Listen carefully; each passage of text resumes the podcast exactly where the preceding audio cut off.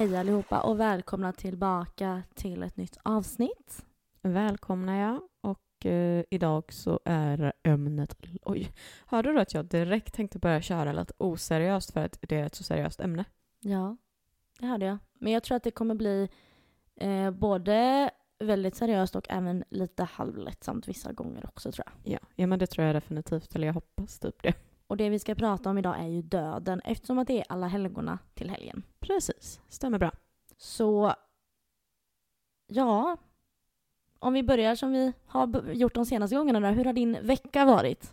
Ja, hur har min vecka varit? Nej men alltså jag tänker ju snarare, den är ju som vanligt liksom. Men det var lite, lite komiskt nu här innan vi skulle börja spela in. För precis innan här nu så ringde min eh, pappa för att han och mamma har ju då åkt ner till Spanien med sina kompisar idag och eh, ehm, då så hade vi pratat om eh, att eh, men de ska ringa liksom när de är framme. Men det är också så, jag vet ju inte hur det ser ut idag, men eh, jag har en släkting som liksom ligger på Liksom, det är förmodligen de sista dagarna liksom, och jag vet inte om det är att hon har gått bort när vi spelar in eh, eller när det här släpps eller om eh, det liksom fortfarande har dragit ut. Men jag hade i alla fall sagt till pappa då att ja, men när du får, liksom, om du får reda på det här när ni är nere i Spanien, ring samma dag på kvällen, gärna liksom direkt, för jag vill inte höra det från någon annan. Och så ringer pappa och jag tänkte ju liksom eh, direkt typ, bara för att det brukar vara mamma som ringer när det är att de är framme någonstans. Och så ringer ju då pappa och då tänker jag ju första liksom så här bara okej, vi ska spela in döden nu, nu har det väl hänt liksom. Jag tror Eh, aldrig fel liksom. Ja men liksom, ja men typ. Och så, eh, så typ det första han liksom säger bara, ah, det, det är någonting typ så här, det är mörknat. Typ. Och jag bara, jaha, är det, alltså, har hon, har det hänt nu? Liksom blir så här, ja men lite så här, okej, ja, ja, okej, det gick fort, typ så här direkt. Eller ja, tänkte jag. Ehm, och så fortsätter han och jag tycker att det låter så här liksom, bara vadå mörknat? Och alltså, så tänker jag bara, men ja, är det, är det det att det liksom kanske inte har hänt, bara att det är på väg att hända, liksom att det är slutspurten? Till sist så klickar det ju då i mitt huvud att han har sagt att det har börjat mörkna där nere i Spanien nu. Nej men alltså det var oavsett vad så blev jag så här, jag bara, eh, okej, jag eh, missuppfattade verkligen ganska rejält, men, eh, Men ja. det lät väldigt roligt för du bara aha, aha att det är mörkt i Spanien. Ja, för det var ju inte, det var ingenting som liksom tydde på, det kändes så jävla konstigt att börja samtalet med att det, det har mörknat. Ja, Vad fan tror han att jag ska tro? Nej, så att så, min, liksom, min lilla veckodetail var ju snarare det istället då. Så hur, ehm, hur har det varit för dig sen senast? Ja, du Linnea, det har varit mycket. Jag var ju eh, i stan här för eh, ja, några dagar sedan och då så parkerade jag i parkeringshuset som vi har här. Och eh, då ställde jag bilen så att jag liksom bara kunde köra rakt ut. Eh, jag hade ingen bil framför mig utan jag kunde bara köra rakt ut. Skitbra tänkte jag. Och då har jag en sån här fucking stor jävla pelare i betong bakom bilen på höger sida. Och när jag ska köra ut, jag är jättenöjd. Alla ärenden jag skulle göra gick jättebra, snabbt och lätt. Jag var nöjd. Eh, hade köpt med mig sallad som jag skulle käka när jag var hemma, Jag var nöjd och glad liksom. Så här, fan vad gött. Och så börjar jag köra ut, svänger till höger. Så hör jag tittar bak och ser att jag har ju liksom sväng, svängt för, för fort eller för tidigt eller sådär. Så att då har ju alltså den här pelaren då dratt i överdelen av bakdäcket, alltså delen där ovanför däcket. Och jag bara fan. Men jag är inte så jätterädd om min bil, den är jättegammal och lite såhär. Så det är så här, hade det varit en ny bil då hade jag ju fått panik. Men här var det så här, Surt. Ja men det, det är lite tråkigt liksom. Men sen kom jag hem och såg att det var inte så farligt i alla fall då. Så det var väl skönt. Men fan vad irriterad man blir. Men vart var det någonstans sa du att du hade gjort det? Var det Maxi eller? Eh, nej, nej, nej, nej, där, nej. Utan det värsta parkeringshuset vi har här i Alingsås och det ligger under vårt köpcentrum Storken. Jaha, vad fan var du där inne för tänker jag? Men, ja, mm, gud, jag skulle göra tråkigt. många ärenden och det fanns ingen parkering och eh, sådär. Så att den, Mm. då tänkte jag men då betalar jag och så får jag stå här liksom. Ja. Men jag har sett, ja förlåt. Nej men så var det i alla fall. Ja. Surt som fan men ja. Mm, Jag har ju det. sett hacks, om det är på TikTok, typ hur man eh, dock eh, kan reparera en sån eh, skrapning Ja men det är ingen idé på den gamla bilen. Nej, Det men alltså du gör det själv hemma med typ en hårtork eller någonting. Nej äsch, skitsamma. Ah, ja. Det Whatever. blev lite märke med det. Fan, skitsamma. Men i alla fall, sen då så... Eh, jag berättade ju i förra avsnittet att jag eh, mötte upp min mammas kusin på den här krogen och vi drack och såna här grejer. Nu i torsdags så var jag på ICA och där mötte jag eh, den här andra personen som var med min mammas gäng då, som också är kusin till morsan. Eller hur det nu är, skitsamma. Och då säger hon så här, ah, vad trevligt det var när vi sågs på krogen där och Ja, och då sa jag men vad roligt för då skulle de ju ha 50-årsfest på hotellet i Alingsås nu i helgen, så alltså två dagar senare, när vi sågs. Och då säger hon så här, ja ah, du ska ju köra, köra hem din mamma och hennes kille. Ja, säger jag då. Ja, ja eh, eh, du, de sa ju att du kunde komma lite tidigare till den festen om du ville och sådär. Och jag bara, ha gjorde de det? Ja, vad roligt för jag var så full så jag kommer inte ihåg någonting, haha. Hon bara, ja och du kan ha lovat att du skulle köra hem mig och min gubbe också. Jag bara, jaså det hade jag, sa jag då. Hon bara, ja. Och, så här. och jag bara, ja men det kan jag göra, det är inga problem, absolut. Så det var ju på torsdagen vi sågs och sen jobbade jag natten fredag till lördag. Fick sova alltså, ja, tre och en halv, fyra timmar. Så jag fick sova fyra timmar. Och sen på lördagen så skulle jag ju köra eh, dem på natten och sen skulle jag upp och jobba då 8 till 5 dagen efter. På söndagen. Eh, vid 10-tiden så ringer mamma och eh, dem och säger att men kom hit Louise, det blir kul, Woho! det blir alltid roligare när du är med. Ja men du vet lite sådär. Så jag bara, ja men fan jag åker in då. Eh, så då eh, fixade jag till mig lite, tog på mig partystassen och så åkte jag dit. Och jag hade ju räknat med att de skulle åka hem kanske runt ett-tiden eller halv två kanske som senast så ungefär. Men alltså jag hade ju inte bråttom men jag hade ändå tänkt mig det liksom. På ett ungefär. Och då visade det sig att det har blivit lite problem med eh, bilarna här. Så att då, är det nu, då är det fler personer som vill ha skjuts. Så då hade mamma pratat med min lillebror som skulle köra hem dem plus mammas grannar och vänner. Och så skulle jag köra hem det här andra paret då eh, eh till Vårgårda. Så att eh, kvällen går, skitkul, jättetrevligt. Eh, och sen då så ska vi åka hem. Eh, och då visar det sig att eh, de jag skulle köra hem, gubben är i det förhållandet, då hade han gått iväg till en kompis eh, till dem. Eh, så att aha, säger jag då. Eh, och mamma och de var borta, och så, här, så då ringer jag mamma för att eh, liksom eh, kolla läget. Och då säger hon att ah, men vi har åkt hem, vi är på väg hem. Och jag bara aha. Men jag har ju min bilnyckel i din väska så det är bara för er att vända om. Nej. Jo, så de hade ju som tur var inte kommit så långt. De har kommit eh, ja, strax efter tio minuter här, därifrån. Så då sitter vi och väntar och bara så här, "Ja, klockan, tiden går. Och nu var ju klockan alltså typ halv tre. Eller ja, ja ungefär halv tre, kanske kvart i tre. Eh, så i alla fall kommer de med bilnyckeln och vi beger oss då till den här vännen. Då. Och det är en familjevän så jag vet ju vem den här personen är. Eh, och så. Eh, och eh, då säger eh, hon jag skulle köra hem då så här, har du inte varit i hans lägenhet eller? Och jag bara, nej, nej det har jag inte. Nej, de har ju renoverat lite. Och jag bara, ah, okej. Eh, och den här personen är ju liksom rock, rockare, alltså gillar dödskallar och svart och rött och sådär. Och jag bara, jag kan tänka mig att det är liksom lite dark vibe där. Och hon bara, mm, kan man säga. Så vi kommer dit. Jag, eh, på, på utsidan ligger det liksom skelett i rabatten. Jag öppnar dörren. Och det är liksom, du kommer in i hallen, en liten hall och sen är det direkt trappa upp. Men det är, i och med att det är en trappa upp då så är taket högt. Och i taket då så hänger det ett, en, ett skelett. Lika stort som en människa. Och det här är inget ovanligt för den här personen. Men jag tänkte, oj då. Och så går jag upp för trappan. Det är dödskallar överallt. Det är, alltså tänk dig att Alltså det är liksom halloween deluxe och så så har de det året runt. De är liksom sådana lite fantaster då. Och det här var ju jättekul. Och så hade de en vägg med en darttavla så man kunde kasta dart i vardagsrummet. Ja men du vet så, här, så jävla ballt. Jag skulle aldrig ha det så. Men det är så jävla kul att komma hem till någon som har verkligen sån jävla udda stil. Det hade varit perfekt att vara med i så här, Vem bor här-program typ, du vet. Ja, och då blev jag bjuden på kaffe. Oh, herregud, ja, ja, klockan var liksom tre. Bara, ja, dricker Ja, kaffe det då? behövdes la kaffe vid den tiden tänker jag. Ja men jag är ju inte påverkad av koffein men det är så. Mm. Och sen var vi där då i ja, en, strax över en halvtimme. Och sen så körde jag ju hem dem då. Och eh, jag var ju hemma vid fyra tiden. Gick ju inte somnade först klockan var halv fem ungefär. Och upp klockan sju. Så jag har ju totalt då på två dygn sovit, sovit sex timmar. Min hjärna funkade inte. Och som de som har sett vår Instagram, jag välte ut cola i soffan och fick, åh oh gud det var världens rabalder i, alltså igår. Herregud. Men idag är min hjärna lite mer återhämtad för i natt så sov jag då 12 timmar och tog igen det här med dubbelt upp då. Men alltså, my god.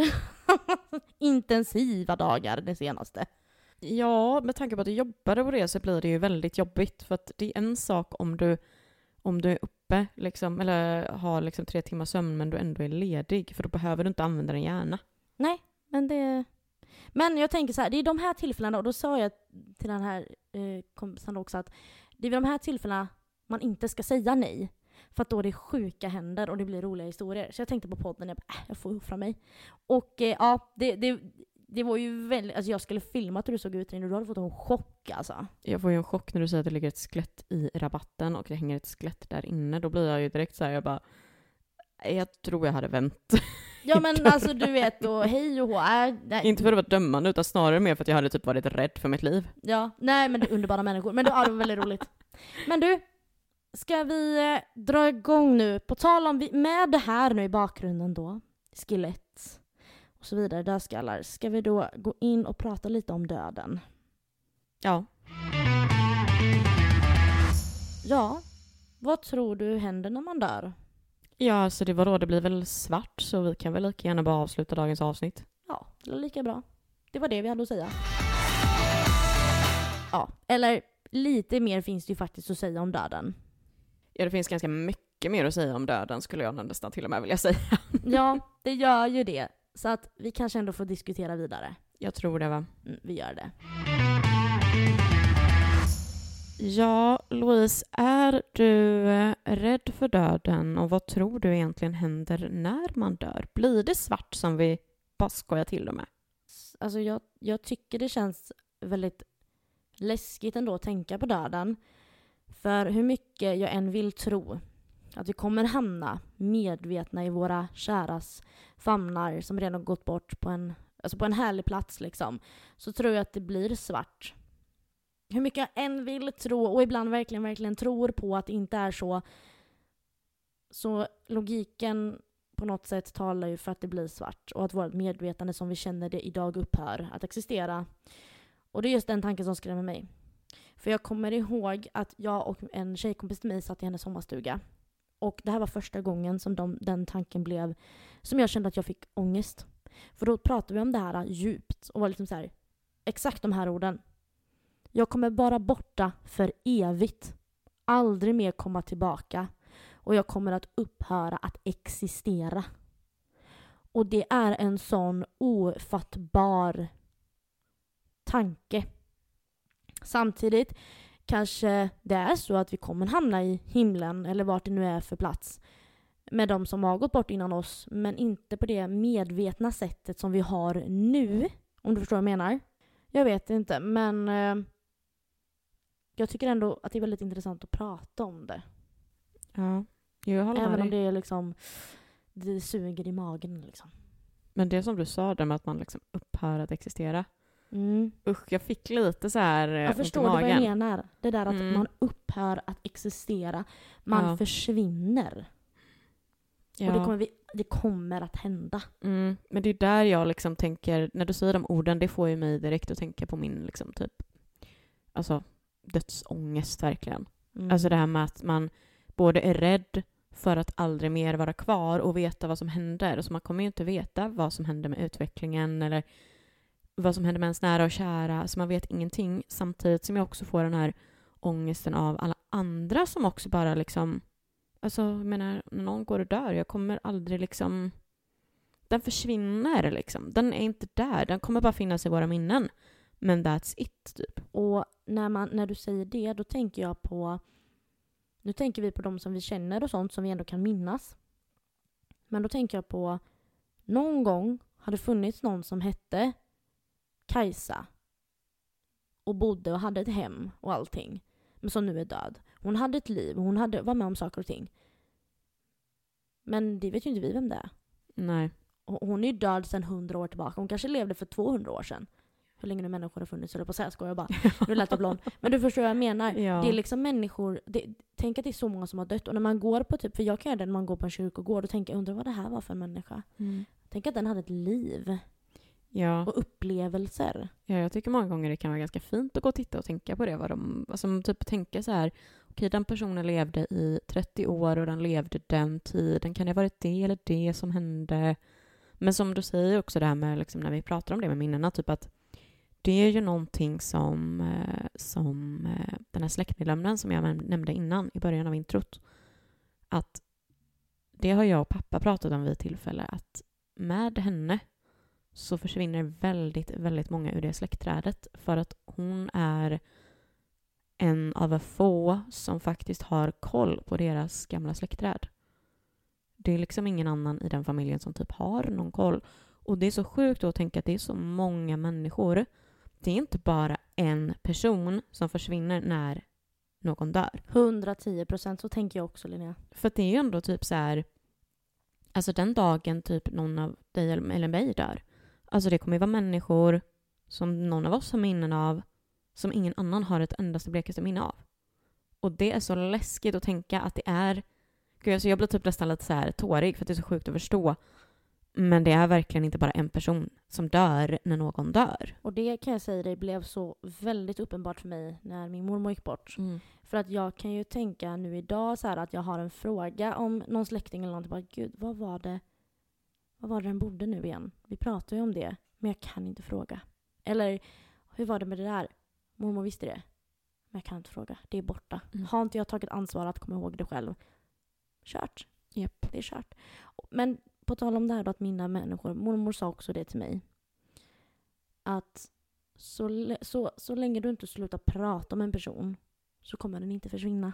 Nej men det är sant. Det är jättesant. Och jag tror tyvärr att det är många som gör så. Att eh, det är jobbigt och pratar man om det så, pratar man inte om det så blir det lättare.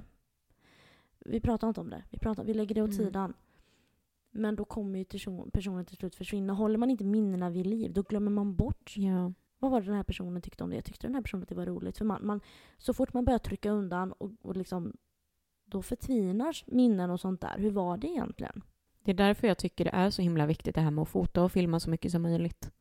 För det kommer även vara en dag som minnet kanske inte ens finns kvar i dig själv fast du lever.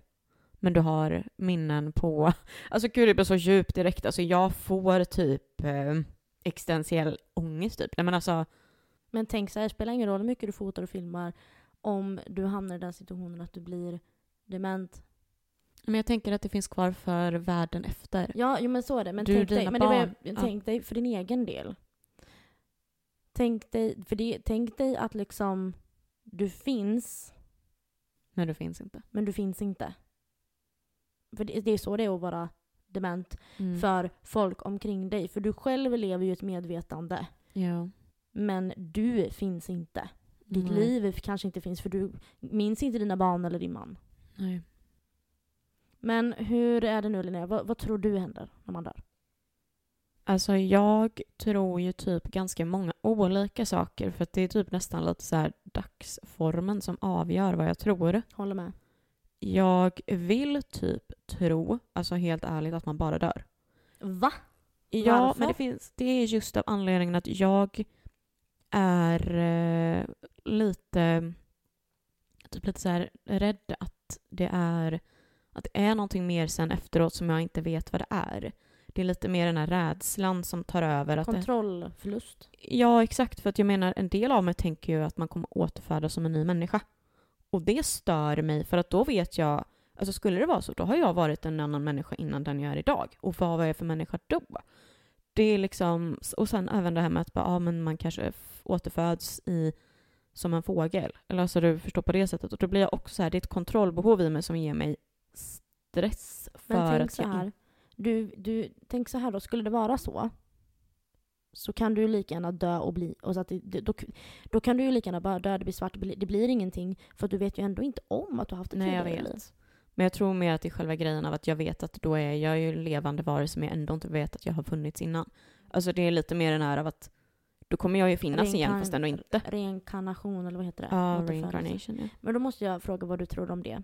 För jag hörde en gång någonstans i en podd eller film eller whatever. Då var det en person som sa att det är inte helt otänkbart att vara att så här, du kan klicka med en människa. Ni har aldrig träffats, men ni klickar med varandra på en nivå som är det sjukaste. Sen kompis då. Då kan det ha varit din mamma i ett tidigare liv. Men det, jag tror ju, alltså om jag säger så här, Eller jag tror varit mer Din fru i tidigare liv för du var en man i ditt tidigare liv. Alltså fattar du? Ja, nej men jag tror mer på återfödsel än vad jag tror på himmel och, hev- alltså himmel och helvete. För att himmel och helvete tycker jag någonstans känns väldigt mörkt på så sätt av att Lite sagolikt kanske också. gör man inte Alltså bara... saga liksom, att det är, det är en bra story. Nej men jag tänker mer att det känns som att då blir det väldigt så här att bara, ja det är väldigt svart på vitt, du är antingen ond eller god. Det finns inget mellanting. Och nu har du gjort något så mörkt så du kommer aldrig hamna någonstans bra. Alltså det blir... Och många förlitar sig på att bara, ah, okej men jag kommer hamna i helvetet. Nej, jag, jag kommer hamna i himlen. Men- Därför tänker jag att jag föredrar, även ifall jag ibland kan tro på det också, så är jag nog mer åt, alltså, åt återfödseldelen för att Det känns bättre. det känns bättre. Ja. Men tror du inte... För då vill jag tänka att så här, eller jag tänker att världen är ju ganska svart eller vit när man väl kommer till kritan. Oh, För man tänker ju så här, men världen är inte svart eller vit. Fast jo, när du väl står där i en viss situation så är det ganska svart eller vitt. M- många människor kan ju bli väldigt hemska när det plötsligt handlar om pengar. oh, ja. Eller när det handlar om makt. Att vä- då blir det plötsligt svart eller vitt. Att man kan göra något fruktansvärt för sin egen del för att vinna någonting gott, bra. ja. Eller förstår jag, menar, människan är ju en egoistisk varelse. Eh, och sådär. ehm, jag, jag vet inte. Ja, men jag förstår vad du menar, att det är ju liksom ändå så. Men det är just att jag tycker någonstans blir så himla kontrast. Alltså, Jo, jo, så Och är jag det ju. tycker Det är det ju vad- verkligen. och vad är det som Var drar avgör? gränsen? Ja, men liksom, vad, är, det- vad, hur, vad måste du göra för att hamna i helvetet? Och kan du ens då typ göra, alltså make amends liksom? Men jag är ju lite sådär... Eh, alltså, det skulle typ inte förvåna mig om alla en dag kommer bli zombies. Ja, för nu är vi inne på kontraster till verkligheten här. Zombies. Ja, jag vet, jag vet. Men det är typ så här, jag tänker någonstans att jag, jag har ju sett för mycket på TV, jag Fast vet. jag tänker det är mycket möjligt, men då beror det ju inte på att du är död. Då beror det ju på en Virus. Eller en parasit. Alltså någonting. Jo, men jag tänker då att alla de här människorna som inte... För jag vill ju bli kreme, alltså kremerad. Jaha. För att jag har en rädsla för att bli alltså, begraven levande. Jag är typ rädd att det ska bli att man, eh, att man på något sätt har hamnat i en koma som inte folk alltså, kan märka att du har hamnat i. Du har hamnat i en liksom inre koma som ditt hjärta står still men du är inte död. Alltså, Det har ju hänt folk som, folk som har varit länge i iskallt vatten och förklarats döda. Men sen när de har tinat upp kroppen så har hjärtat börjat slå igen. ja, och därför är jag rädd att det ska hända när man väl ligger i kistan och är tio meter under. Liksom. Och så har det också gått tre veckor så då borde du ha vaknat, kvicknat till på den tiden. Ja, man tycker ju det. Man tycker ju det. Men jag tänker Nej men också... det är klart att det är... Ja. Och det är där jag tänker då det här med zombies också då. Att, för då tänker jag att om jag är kremerad, skulle det komma någon jävla sån här zombie, zombie apocalypse så kommer ju vi som ligger i marken också komma till liv igen förmodligen. För att Varför? våra huvuden är ju inte avkuttna så man vet ju aldrig. Okej. Men jag vet, det, är liksom, det är mer, handlar mer om rädsla. Ja. Att jag är rädd för att dö. Alltså jag är rädd för vad som händer efter.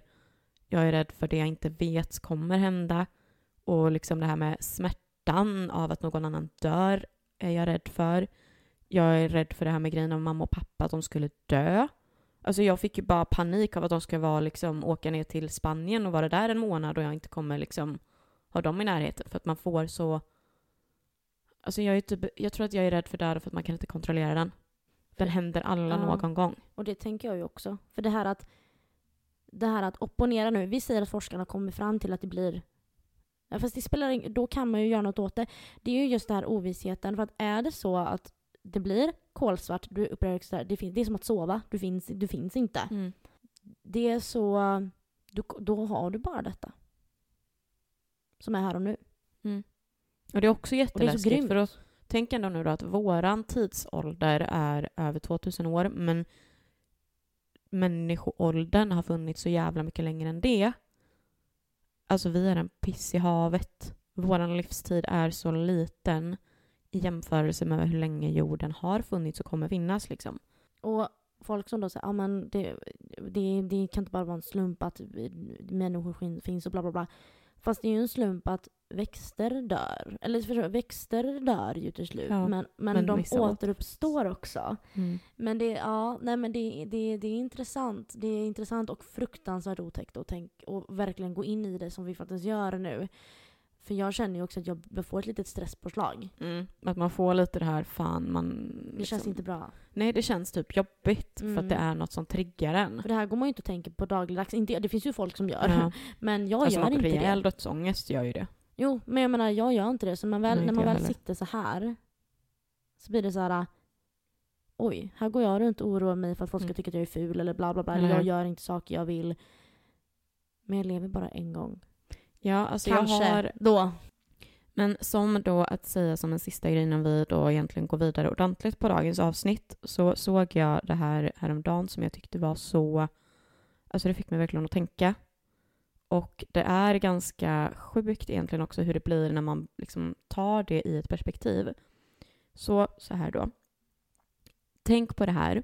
Varje dag du lever är den sista dagen du levt till motsatsen är bevisad.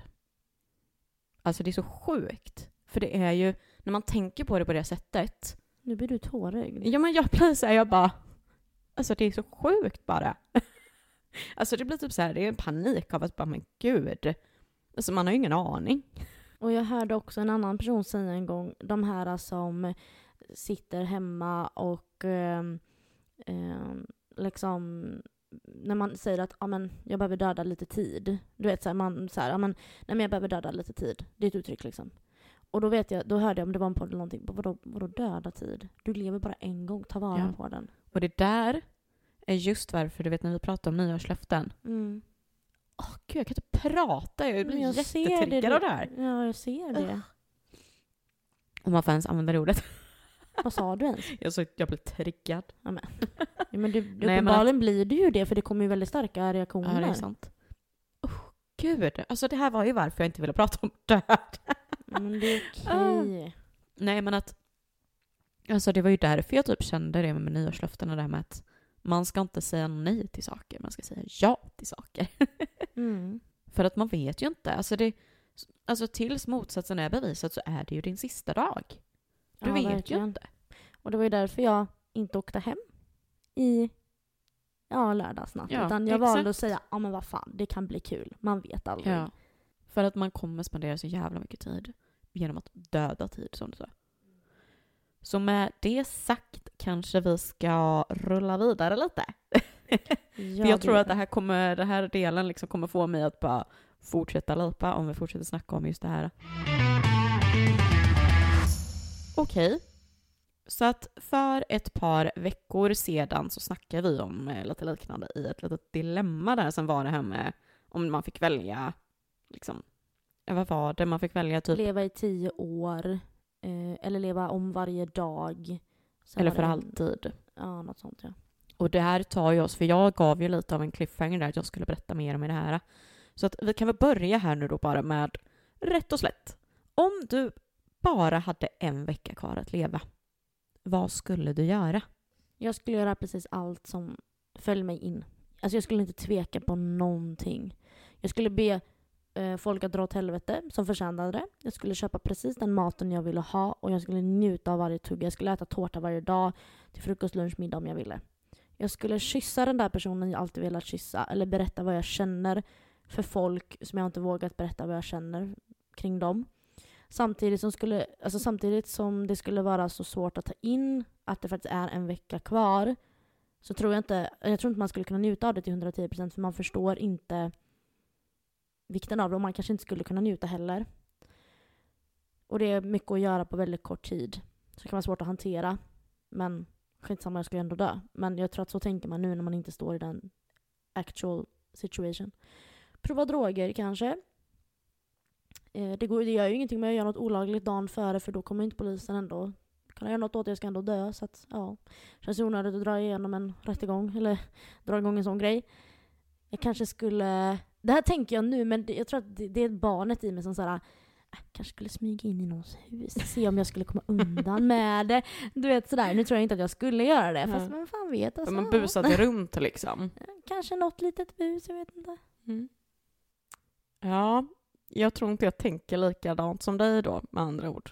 Nej okej, hur tänker du då? För att jag tror att skulle det här varit något jag fick slängt till mig att ja, Linnea, nu är det så här att du har en vecka kvar att leva. På måndag dör du. Ja, om en vecka på måndag så dör jag. Gud, vad, nej, tänk om det händer nu bara för att vi säger så. Usch, jag får ju... Peppa peppa, ta i trä. Ja, det är inte trä på något av det här. Så att, Tavelramen. ja, ta på ramen ja.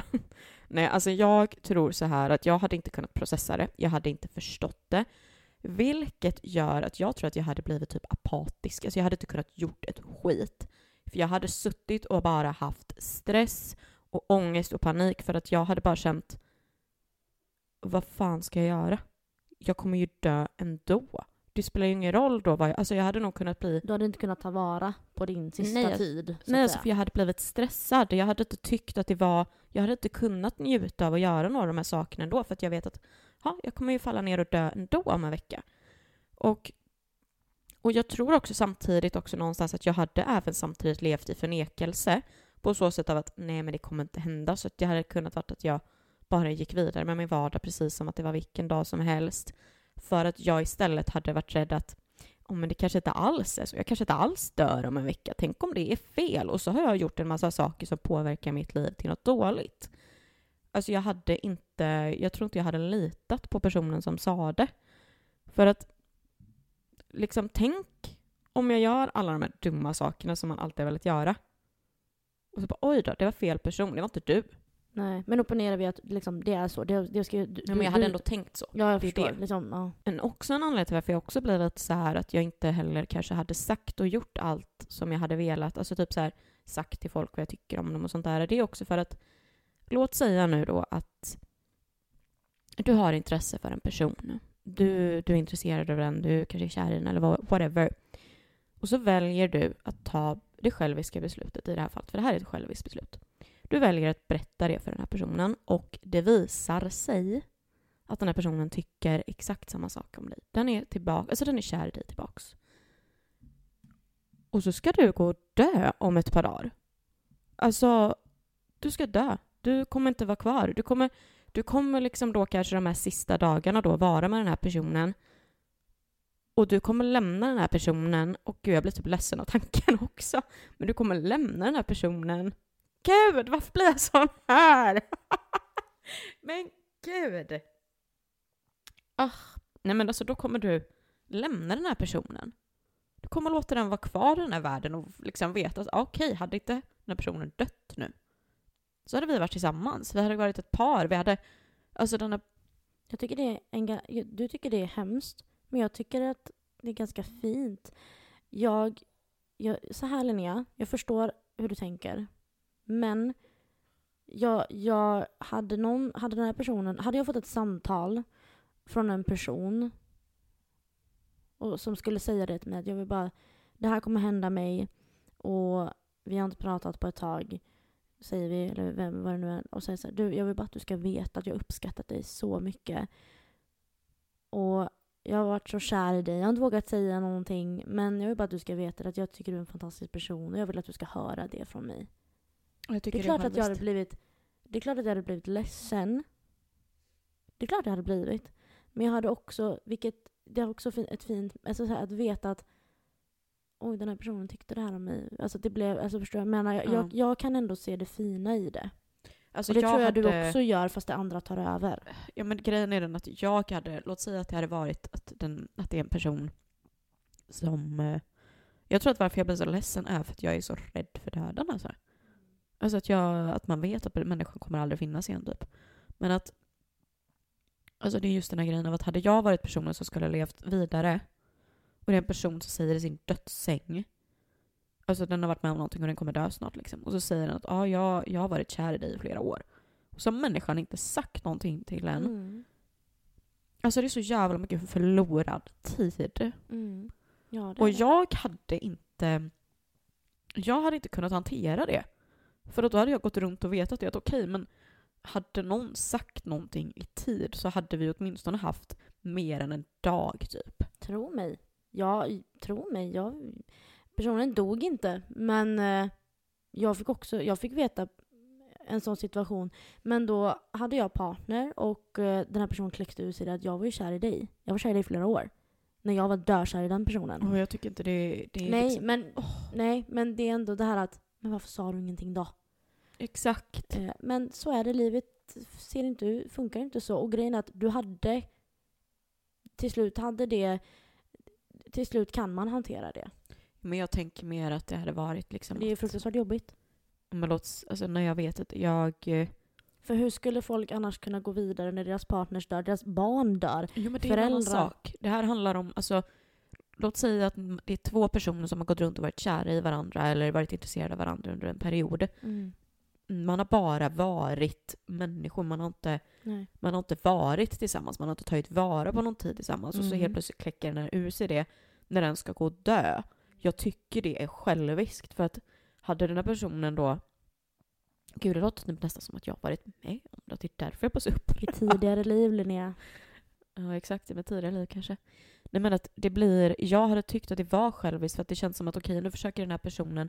Den säger det här bara för att den vet att den kommer dö. Mm. Medan jag kommer leva vidare i fler, i Mm. förmodligen flera år till. Mm. Gå runt och känna alltså, ont i hjärtat. Ja, Delvis för att jag själv inte kanske sa någonting. exakt. För du sa ju inte heller någonting. Nej, för det blir en ånger. Då helt plötsligt kommer jag gå runt med en ånger och en smärta som kommer vara så svår att processa. För att den personen, den har ändå dött så den kommer inte ens behöva oroa sig över någonting. Alltså, Mm. Men det är i alla fall bara, det, vi behöver inte snöa in oss i det egentligen. för att det, det är liksom ett samtalsämne i sig. Men eh, ja, jag tycker absolut inte det är själviskt. Men eh, ja. Man har olika sidor av myntet. ja. Men det kanske också är att jag kanske inte hanterar det på samma sätt. Men också nu då, på tal om något, eller vi fortsätter på det här då bara, på det här spåret med vidare på vad jag känner för det här då, för att ja, jag kanske dör om en vecka då. Så hade någon sagt istället då, om man twistar runt det, eh, du får veta hur du dör eller när du dör eller båda. För det här tar ju oss tillbaks till varför jag inte ville veta det. För du sa ju att du ville ha en klocka med dag, alltså tiden, tiden som rinner ut. Medan jag sa att jag inte ville det. Och det var ju lite det att jag skulle återkomma till varför. Och det är just det här med att jag tycker att det är... Jag vill inte veta när jag dör eller hur jag dör. För att det hade gjort att jag lever i konstant skräck. Även om jag vet tiden jag Mm. dör. Onödigt. För du vet ju när det kommer hända. Så du behöver inte Jo, jag vet. säga att du kommer dö i en bilolycka den, eh, det här datumet om så här många år. Ja, Men men, då behöver du inte oroa dig på att det kommer hända nu. Men det är ju fortfarande det att typ så här, det blir... ehm, hur ska man förklara det för att det skulle bli... Alltså, det här handlar ju mycket om ett kontrollbehov. Ja, det är det. Så det är ju det liksom. Men jag tror att det här har varit väldigt många som hade undvikit, alltså verkligen försökt undvika sin död. För låt säga nu då så här att du får veta att du kommer dö på grund av ett flygplan. Då kommer du aldrig i ditt liv sätta din fot på ett flygplan igen. Bara det att du kommer ju dö till sist av det där ändå. För att det planet du då kanske skulle ha varit på kommer istället då krascha där du är så att du dör. Eller vet du till exempel att du kommer dö den 12 mars 2045. Då kommer du istället då inte göra något så kallat riskabelt den här dagen. Och då kommer det istället bli att du sätter i halsen och dör. Och jag vet nej, inte så här, tror, nej, det här är alldeles för saga. Det här, det här blir alldeles för så saga för mig. Förstår du vad? Nej, nej. Men Jo, för Nej. att jag tror att såna här saker är bättre att det är ovetandes för att det kommer hända oavsett du vill eller inte. Ja, och nu är det ju så. Nu känner jag, nej, men nu känner jag nu blir det jätte så här, insnöat på detta. Jag tror vi behöver prata lite mer konkreta grejer nu. Alltså vi behöver nog... För nu, nu har vi liksom snurrat iväg lite så här, vad händer? Lalala, nu. Ja, okej. okej. Va, eller vad säger du? För nu Jo. känner jag nu blev det lite så här, okej, jag vill nu, jag tror vi behöver gå vidare nu. Ja, jag tror också det för mina, mitt life Ja, nu, vi, går, vi går vidare. Ja. Hur är det då egentligen om man tänker typ så här, har du varit nära döden eller typ sett en död person någon gång? Jag har sett tre, eh, fyra döda personer. Den första personen var min morfar. Eh, när man får komma liksom, till sjukhuset då. Så då satt jag eh, där inne och fick se honom då. Och så vet jag att jag gav honom en puss på pannan. För jag var rädd för att ge honom en puss på munnen för jag tänkte att det kanske smittar. Jag kan typ förstå det Men jag var också fem år. Ja, Så jag var liten. ja men man blir ju nojig. Ja, och sen andra personen som jag såg, det var en brukare på mitt jobb som hade gått bort. Jag skulle jobba dagen efter. Eh, och personen var kvar och fick gå in och ge ett avsked då. Eh, sen är det ju min egen mormor då. Eh, som, så. Men vi ska återkomma till henne. För det var eh, mitt ex, jag har ju nämnt det lite tidigare på att mitt ex var med om en olycka. Eh, och den här olyckan skedde 3 juli 2020. Han var på väg till jobbet på sin elskateboard utan hjälm trots att jag vid flera tillfällen påpekat att han skulle ha den på sig och att det var en tidsfråga innan han skulle slå ihjäl sig. Liksom. Vilket visade sig att jag hade rätt då.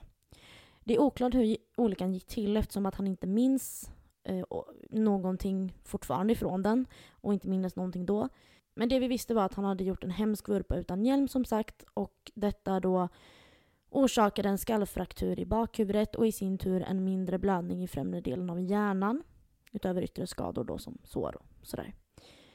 Och den här dagen så stod jag parkerad på, eller utanför mataffären cirka 20 över 9 på morgonen för jag skulle handla åt jobbet. När jag ska gå ur bilen så ringer eh, vår gemensamma killkompis som vid tillfället också jobbade på samma ställe som mitt ex. Det var inget ovanligt och vi var mycket goda vänner och kunde slå varandra en pling lite när som helst, ungefär på dygnet. Han pratade med mig eh, och frågade om mitt ex var sjuk eftersom att han inte var på jobbet. Vilket jag tyckte var konstigt då han skulle ha med sig till Anton eh, den här dagen för första gången på jobbet. Så jag kollade klockan och insåg att den var alldeles för mycket att han skulle ha försovit sig. För han var inte sån. Han kunde försova sig i tio minuter, en kvart. Men inte liksom en och en halv timme. Eh, på den tiden, eh, då började han ju jobbet halv åtta, ja. Så att eh, det hade ju gått nästan en timme då. Som han, ja. eh, någonting sånt i alla fall. Jag ringde till hans privata telefon och även jobbmobil då över tio gånger vardera men jag fick inget svar. Så jag skickade ett sms där det stod att jag var orolig att han skulle höra av sig, har det hänt något liksom? Och jag ringer igen och igen och igen. Och till slut så svarar en mansröst som jag först då liksom, jag är lite uppstressad. Så jag blir direkt, men vad fan har du inte svarat för? Vad är det med dig typ? Har det hänt något eller? Och då presenterar ju sig den här personen att ah, hej jag heter Christer, jag jobbar på Alingsås lasarett och vi har ditt ex här på röntgen. Och jag får en klump i magen och bara frågar vad det är som har hänt. Liksom direkt sådär. Och, ja, och då berättar han att han har ramlat med sin skateboard och han är här hos oss. Och jag bara ah, okej, då tänkte jag ju först såhär okej, okej han, har fått, eh, han har fått en hjärnskakning ungefär liksom. Tänkte jag först. Eh, men så frågar jag ju då har, eh, har, eh, har han en hund med sig? Och då säger han så ja, jag ska se om jag kan få kontakt med honom. Och fråga. Och jag bara, vadå kontakt? Och då säger han så ja, han, eh, han kom ju in här. Eh, han, är, han, han är lite, han, eller han sa typ att han är, han ska, han är ganska illa däran. Eh, men jag ska se om jag kan få kontakt med honom på något vis sådär. Så att jag förstod att oj, det, det, är- det, är något, det har hänt något illa liksom. Varpå läkaren då säger att eh, ditt ex svarar att han inte vet vart hunden är. Och jag får ju panik då. Har Anton då varit med kopplet, han har sprungit iväg, också blivit påkörd, du vet, fick ju panik då över det också. Så eh, han, den här läkaren sa att en eh, sjuksköt... Eh, nej, han, nej, han sa ingenting då utan jag la nog bara på. För jag visste ju att mitt ex var på sjukhus. Så jag, jag la nog bara på och ringde till vår gemensamma vän då och bad han åka hem till oss för att se om Anton var hemma. Och när min, vår kompis hade kommit dit så hade ju Anton skällt så han var ju hemma då som tur var. Um, och sen så åkte jag ju då raka vägen till Alingsås lasarett med en gång. Jag åkte till jobbet, berättade vad som hade hänt. Alltså jag hade ju panik liksom. Åkte raka vägen till Alingsås lasarett. Det var corona, jag fick inte komma in. Men jag fick ett nummer upp till ansvarig sjuksköterska på, på avdelningen då. Uh, och eh, då visade det sig då att hon förklarade läget att det, det var illa just där och då. Och jag frågade, ja men okej, hur illa är det? Da, da, da, da. Och hon kunde inte svara på det. Eh, utan att vi får se hur det utvecklar sig då. Och då ja, kom en annan gemensam vän hem till mig, som var, till mig och mitt ex som var hos mig den dagen. Och det var ju flera samtal från, från till sjukhuset den dagen, men eh, för mig där och då var det ju liksom att han han kan bli en grönsak. Han kan dö. Det, det var, jag hade sån panik. Jag mådde så dåligt och jag var så rädd. Och de, jag vet på kvällen där så fick jag ju prata med dem igen på sjukhuset och då sa de att eh, vi, ja, det, vi får se här om det går ner, den här blödningen då. Alternativt så behöver han köras till Sahlgrenska imorgon och öppna upp huvudet och tömma det på blod. Liksom. Som, men vi vet inte. Liksom. Och då var det så här, okej. Okay. Då vet jag att den här kvällen, så här var det, min mamma skulle ha 50-årsfest två dagar senare och jag ville inte förstöra för henne så jag ringde inte och sa någonting till henne. Eh, utan eh, jag pratade inte med någon den kvällen tror jag. Utan jag eh, låg uppe hela natten och kollade på Grease. Eh, vet jag. Eh, och var ja, det var jättetufft. Och sen Eh, Eh, ja, hur som helst, det lugnade ner sig och eh, han behövde inte göra någon operation eller någonting. Men han hade tagit väldigt mycket stryk helt enkelt. Det, det var inte bra liksom. Sen eh, så skulle jag åka till sjukhuset och lämna lite grejer till honom eh, några dagar senare. Och då, jag var ju jätteledsen och då kommer det en sjuksköterska öppna dörren nere, ytterdörren då till sjukhuset. Och jag räcker fram påsen och jag grinar och grinar och grinar. Räcker fram, räcker fram den här påsen och hon säger så här, kom lite. Och så fick jag gå in innanför på sjukhuset där. Och då säger hon så här, om du är tyst nu så kan du få följa med upp och hälsa på honom. Och jag bara, skojar du eller? Hon bara, nej men du måste vara tyst liksom. Ja, och vi går upp på och in till, kirurg, eller upp till där kirurgen var då. Eh, och, jag, och så säger, han så här, men, säger hon så här, vänta lite här, jag ska gå och hämta honom. Och jag fick ju stå utanför den här glasdörren då. Och sen så kommer hon med honom i en rullstol. Han var, hade ju bandage runt huvudet och satt i en sån här sjukhusklänning och hade blod i ansiktet som hade torkat. Så han såg ju ganska grotesk ut, om man säger så. Och jag vet att när jag, när jag fick se honom så blev det svart. I några sekunder. Och eh, sen så då sitter jag ju på knä, så jag har väl antagligen alltså, svimmat till ungefär. Så jag sitter på knä framför dörrarna, de här glasdörrarna, och han sitter på andra sidan, kan ju inte säga någonting. Han sa ingenting, han bara satt och tittade på mig och typ som att han skämdes. Så såg det ut från min sida. Och jag bara grät och grät och sa att du måste äta, du måste liksom kissa, du måste liksom, du måste liksom så här.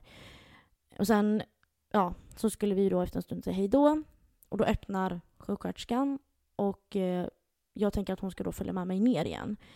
Men då säger hon så här, om du är tyst nu så kan du få komma in och ge honom en kram. Jag får egentligen inte göra så här men om du är tyst. Så då fick jag ju komma in och ge honom en kram. Vilket jag på ett sätt, jag är jättetacksam för det, men jag undrar nästan om jag skulle besparat mig det för att alltså han luktade ju, han stank ju blod, svett, alltså han, han hade ju liksom legat på sjukhus under och duschat och ingenting sånt där så att det var ganska, det, det, var, det, var, det, var, det var jobbigt liksom. Men så, så där var ju verkligen nära att liksom, hur ska jag göra nu? Och, alltså det, var, det, det var liksom att okej, okay, han kommer dö han kommer dö. Och hur ska jag göra? Ska, vart ska jag bo? du vet, allt det här. Det, det var en fruktansvärd nära döden-upplevelse av en person som står nära. Liksom. Ehm, så det var ju det, det, var ju startskottet till mina katastroftankar som vi pratade lite om i ångestavsnittet. Då. Ehm, men han dog ju inte, tack gode gud. Ehm, fick lite men som man kan leva med, men Ja. Sen... Det här är ju lite svårare nu då. För att det här hände ju sommaren, ja juli där då 2020. Sen i april 2021 så... Eh, min mormor hade varit lite dålig i två veckor. Eh, ont i magen och ja, men, lite symptom sådär. Inget allvarligt men hon mådde inte bra liksom. Svårt att äta och sådär. Eh, och hon eh, hade ett brock på sin kroppspulsåder som hon hade fått beskeden om att hon, beskedet om att hon behövde op antingen operera eller göra ingenting åt. Men att eh, det var liksom, hon kunde dö när som helst. Eh, så. För att det var så stort. Och då gick vi i tanken om att ta det här beslutet då för att det är ganska riskfritt att operera det här också. Hon kunde dö på operationsbordet också så att det var ju den diskussionen som pågick då när hon var också lite dålig. Sen, mm, det var ju påsk den helgen där och då skulle vi käka lite påskmiddag hemma hos mamma. Och då när jag ska hämta mormor hemma hos henne så upptäcker jag att hon är ganska gulfärgad i huden. Jag bara, du ser ut som en påskkyckling sa jag lite skämtsamt liksom.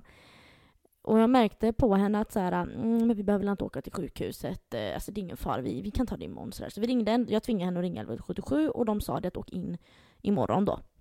Och det här var på söndagen eller på måndagen, vi åt på den här påskmiddagen. Och då satt vi ute på mammas altan och det var typ 25 grader där inne, det var jättevarmt där inne. Och ändå så satt mormor med en fleecejacka och hon ville låna min tjockjacka liksom. Så det var märkligt. Sen på tisdagen då så åkte ju mamma in med mormor till sjukhuset och eh, på fredagen gick hon bort. Så det gick väldigt fort. Och beskedet vi fick där på tisdag kväll var ju då att eh, det var bukspottkörtelcancer. Och det kan man tydligen gå med väldigt länge och när symptomen väl visar sig är det typ för sent. Eller då, då, är, då har det gått så pass långt så att du, det är liksom... Ja. Och då blev det chocken av att aha, det var inte det, det var, ju, det var ju det här med den här kroppspulsådern, men jag hade cancer. Ja, det var så snurrigt alltså. Men eh, ja, hur som helst då så på um, torsdagen fick vi komma och hälsa på henne. Uh, ute utanför sjukhuset och det blåste så jävla mycket vet jag. Men hon var ju inte sig själv så det var, det var väldigt jobbigt liksom sådär. Sen på fredagen så var jag ute och gick med min mormors hund. Och eh, vi hade gått en skogspromenad. Så hade jag satt mig med henne på, eh, i skogen där och eh, bara satt och tänkte.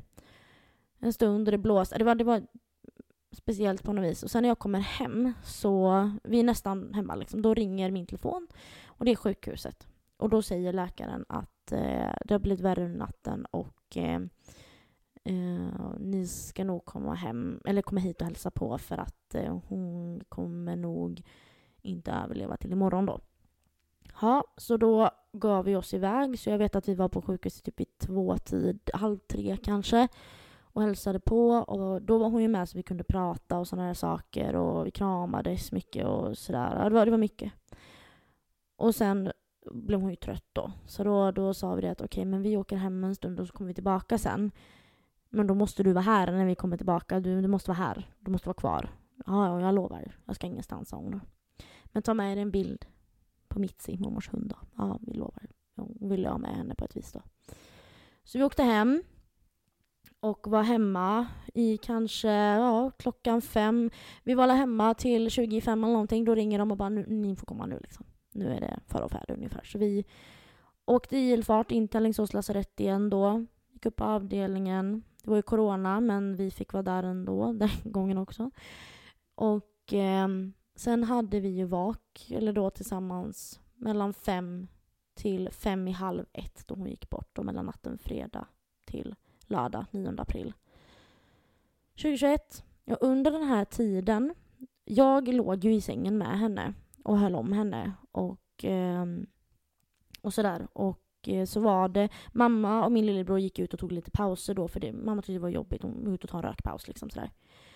Och eh, så ligger vi där inne, då var klockan eh, strax efter tolv, tio över tolv kanske eller något.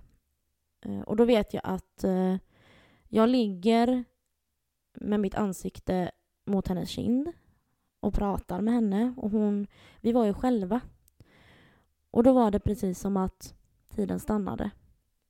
Så vet jag att jag liksom började prata med henne som att hon var med. Och pratade lite minnen och sånt där. Och så sa jag det att det var då fan att det skulle bli på det här sättet. Men vi är ju i alla fall tillsammans. Och vi älskar dig och allt sånt där.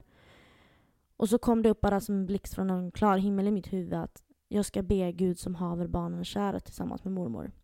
För det gjorde vi alltid när jag var liten. Så det gjorde jag. Och sen eh, så sa jag det att det är, jag älskar dig och jag har inte så mycket mer att säga. Men jag älskar dig liksom sådär. Och då hör jag hur hon tar, börjar ta sina sista andetag helt enkelt. Och då säger jag till henne att nu kommer morfar och hämtar dig. Nu kommer han och hämtar dig. Är du beredd? Liksom. Nu kommer han. Hej då. Vi älskar dig. Ha det så bra nu. Kom gärna och spöka för oss liksom. Och då kommer mamma och Jakob in i rummet. Alltså, i samma ögonblick som jag hör att nu är det slut liksom. Och eh, då när jag liksom öppnar ögonen igen, för jag blund, jag, det var svart under den här tiden. Det var som att jag kom tillbaka till verkligheten. Och det var en ganska otäck känsla. Jag var så, men gud, jaha, vi ju, ja, det, var så, det var en sån konstig känsla. För det kändes som att vi var sammankopplade. Det kändes som att vi var ett. Och jag har aldrig upplevt det i hela mitt liv. Det var, eh, ja jag skulle säga att det var en typ av, alltså andlig upplevelse typ. Så kom sköterskan in och ja, ja, när var det det hände sa hon till mig. Jag, då hade jag ju kollat på klockan och var fem i halv ett. Ja, och då skulle vi få gå ut för att sen komma tillbaka när man varit i ordning och tagit ut nålar och allt sånt där fixat och grejat. Och när vi kommer in där igen så känner jag bara att jag vill inte vara här inne. För hon är inte här. Det där är bara en obehaglig kropp. Grafiskt kanske, men det, det är ett lik där. Det var liksom snudd på att jag tyckte att det blev lite äckligt. Obehagligt liksom. Så vi var inte där inne länge och sen åkte vi hem. Och det stormade den här natten. Något fruktansvärt. Um, så det... Jaha, nej. Och så kommer vi hem. Vi åkte hem till mormors hus. Och eh, så sätter jag mig i köket runt hennes runda bord. Eh, och så säger jag så här, ja, nu får jag ju sitta på hennes plats nu framöver då. Och jag hade ju lovat henne också att jag ska flytta in i ditt hus och allting och det hade jag sagt till henne där. Och när jag säger, för bakom mig så hade hon skåp. Skåpsluckor. Och när jag säger att ja, nu får jag ju sitta på din plats här. Då säger det bara det smäller upp. Alltså luckan flyger upp och slår i väggen. Jag blev helt euforisk och började skratta och blev överlycklig. Mamma fick, alltså bara vad fan är det som händer? Vad är det som händer? Mitt ex fick tårar i ögonen. Brorsan och, och mammas kille sitter med ögon som apelsiner och hakorna i golvet. Och jag bara, jag sa ju det, hon är här, hon spökar nu, hon är här! Och sen hände det flera gånger till efter det. Så att det var... Mm, säger man vad man vill, men hon var där. Så har du varit med om någon som har gått bort? Har du upplevt att liksom behöva se en död människa? Det är kanske är konstigt att vi bara går vidare så här, men det finns faktiskt inte så mycket att säga. Nej men det finns, det finns verkligen inte någonting mer att säga. Alltså möjligtvis mer att ja, jag kommer ihåg vad jag gjorde dagen du skickade smset om ditt ex. Liksom. Det, det är typ det enda som man kan svara på. Liksom. Men, ja, precis. Men eh, alltså för min egen del så jag har ju inget som är så djupgående på det sättet riktigt. Eh, utan det är mer liksom eh, Eh, för att jag vet att när morfar dog så... Eh, alltså jag tyckte det var så konstigt när han gjorde det. För att han, eh, han har ju haft... Alltså, han hade problem med hjärtat från typ... Alltså jag vet att han var inne det året jag föddes, om inte till och med typ samma månad eller någonting, så var ju han inne och opererade in sin första pacemaker. Um, och sen har han liksom bytt Eh, typ det där till och från liksom hela livet. Och och sen så var det någonting som hände, om det var 2018 som det var, när hjärtat liksom, jag tror att det var att han skulle byta ut den eller om att han fick någon infektion eller någonting när det hände så han hamnade på sjukhus under en väldigt lång period. Och då var ju jag liksom så här okej, okay, är det nu det kommer hända liksom? Är det, kommer han dö nu? Eller liksom, då började man ju tänka de tankarna av att är det nu? Men eh, och så åkte jag och mamma upp och hälsade på honom på sjukhuset i, i Lidköping och så och liksom, vi pratade ju med honom och allting var ju liksom det mesta var som vanligt och sen typ två, tre veckor senare var ju han hemma igen hos mormor och vi firade hans 80-årsdag med liksom rejält släktfirande. Och man tänkte liksom att ja men fan vad skönt, allt är bra. Det är liksom, allt gick vägen och då liksom var det precis som att jag gick in i det här att ja, bra, nu är han med som vanligt igen, liksom inga konstigheter. Och det här var ju som sagt 2018 och det var ju det här året som jag då hade väldigt fullt upp i mitt egna huvud. I och med att det liksom var precis då jag egentligen typ blev vuxen på riktigt. Men under sommaren så åkte han väl först ut och in på sjukhus tror jag och sen så hamnade han nog där på riktigt för att det var någon infektion i något av de här såren. Från liksom, alltså jag kommer verkligen inte ihåg exakt för att jag lägger inte sånt här på minnet för att jag tycker bara att det är typ jobbigt. Um, men så vet jag att mina småkusiner åkte upp vid något tillfälle och jag fick frågan att följa med upp men jag åkte aldrig med. Åkte aldrig med för jag kände inte att det, det, det är lugnt. Han kom, jag, tror att jag, alltså jag tror verkligen att jag kände någonstans att det är lugnt. Han kommer, kommer komma hem snart igen. Liksom nästan lite förnekelse för att han kom hem första gången. Det var fine. Um, sen är det september 2018 och det visar sig liksom att ja, men han, han har dött nu. Liksom. Det, det har hänt. För mormor var ju hos honom typ hela tiden egentligen. Så att jag borde ju ha fattat någonting. Men jag tror verkligen det var att jag inte ville förstå. Eh, och då var vi uppe hos mormor direkt samma dag som det hände. Om det var att det, jag tror att det var på natten det hände och sen så åkte vi upp på morgonen. Eh, så det var jag, och mamma och så mina två morbröder om jag inte minns helt fel. Och då var ju det ett alternativ att vi hade fått åka och titta på honom men det var ingen av oss som kände att liksom, nej, vi vill inte det. Det är för att grejen är den att det jag har fått höra är att för min sista, eh, sista gången jag träffade morfar var när han fyllde 80. Så att hela den här sommaren har ju han, han hade ju liksom märglats ut. Han hade ju blivit så som, ja men tunn så som det blir när någon är på väg att dö liksom. Så att han var ju tydligen inte alls eh, samma person, om man ska säga. Så att ingen av oss ville göra det och vi började ju liksom prata om det här med begravning och allt sånt där. Och jag minns ju också att det här var ju liksom... Det var ju jättesvårt att få till begravningstid för att det var ingen som kunde. Um, för att det ska ju ändå passa alla människor som är viktigast. Um, sen då så när det är begravningsdagen, för jag hanterar inte begravningen jättebra. Jag har eh, tidigare valt att inte gå på vissa begravningar för att jag inte... Eh, alltså som ni förstod tidigare, jag hanterar inte döden väldigt, alltså speciellt bra. Jag blir väldigt emotionell och jag gillar inte då att det blir att att det blir nästan som att jag tar uppmärksamheten. Det blir nästan så när man blir så hysterisk liksom. Um, och jag minns så väl att jag sitter där i kapellet eh, i Lidköping och och eh, ser på mormor hur ledsen hon är. Men ändå inte så liksom, hon, hon, jag, hon gråter inte så som jag tänkte att hon skulle gråta. Men jag ser hur ont det gör i henne för att de hade ändå, men ett, ja hur länge kan de ha varit? Alltså de var ju med varandra från typ 20 års ålder liksom. Så det var ju hennes livspartner. och eh, jag bara tänker i mitt huvud, jag vill aldrig bli kär aldrig, aldrig, aldrig bli kär. Jag vill aldrig träffa någon. För att jag bara kände hur ont det måste. Och gud, jag kan inte prata! Nej men jag bara kände hur ont det måste göra i henne. Att förlora människan hon har varit med. Alltså typ hela hennes liv. Som hon har haft och hon har liksom haft med varje dag. Och det var verkligen en sån känsla av att jag vill inte träffa någon för jag vill inte gå igenom samma sak. Är det någonting som sitter kvar än idag, om vi nu bryter lite där, att vi har ju pratat om det här med dig och kärlek och hitta någon och sånt ja, där. Kan det jag finnas? tror att det är lite så. Mm.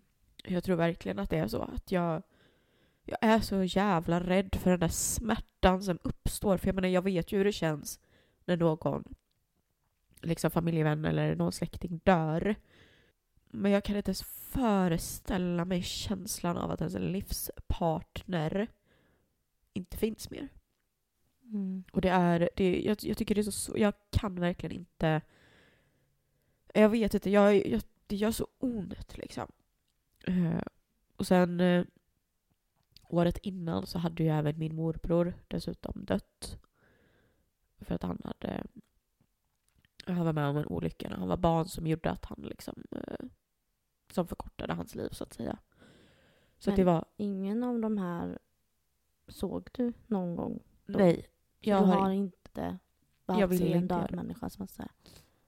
Nej, och sen då som är med den här släktmedlemmen nu då som jag, jag vet ju som sagt inte om hon har dött när vi har eh, släppt det här avsnittet. Men det jag kände där med henne var ju jag, alltså är det någonting jag dock verkligen, verkligen ångrar samtidigt som jag egentligen inte ångrar det, men jag ångrar det ändå. Det är att jag aldrig åkte och hälsade på morfar den sommaren. Att jag aldrig tog mig tiden till att träffa honom en sista gång. Även ifall det å ena sidan gör att jag har ju kvar minnet av alltså 80 år, alltså 80-åriga morfar på hans födelsedag när han skrattar och är glad och ser frisk ut. Men det var det jag kände nu, typ såhär, jag bara, så jag vägrar känna en liknande ånger igen så att jag åkte ju och träffade henne på sjukhuset då för att jag ändå kände att är det det här det sista då får det vara det sista för då vill jag träffat henne liksom. Men just när det kommer till hur jag hanterar begravningar så är det ju Alltså det är så jävla... Jag vet inte, jag klarar typ inte av det för att två år innan morfar gick bort, det var ju också där någonstans runt vintern, hösten delen också, så eh, dog pappas bästa kompis i... Eh, kommer inte ihåg vad för typ det var, men det var någon typ av cancer. Eh, och han hade varit sjuk i jag tror inte ens han var sjuk i ett år, utan det gick väldigt fort alltihopa. Och det var så jobbigt att se pappa så ledsen och jag skulle ju gått med på den här begravningen då för att det var ju nära familjevänner. Men alltså när dagen väl kom, jag hade ju tagit en sån här arbetsdag liksom som är eh, som man har rätt. Särskild angelägenhet. Ja men precis, en sån ja. Eh, men Alltså jag låg bara kvar i sängen på morgonen. Alltså jag kunde inte. Jag, jag bara låg och storlipade. Och var verkligen så att nej, jag kan inte följa med. Det går inte. Ja, och på...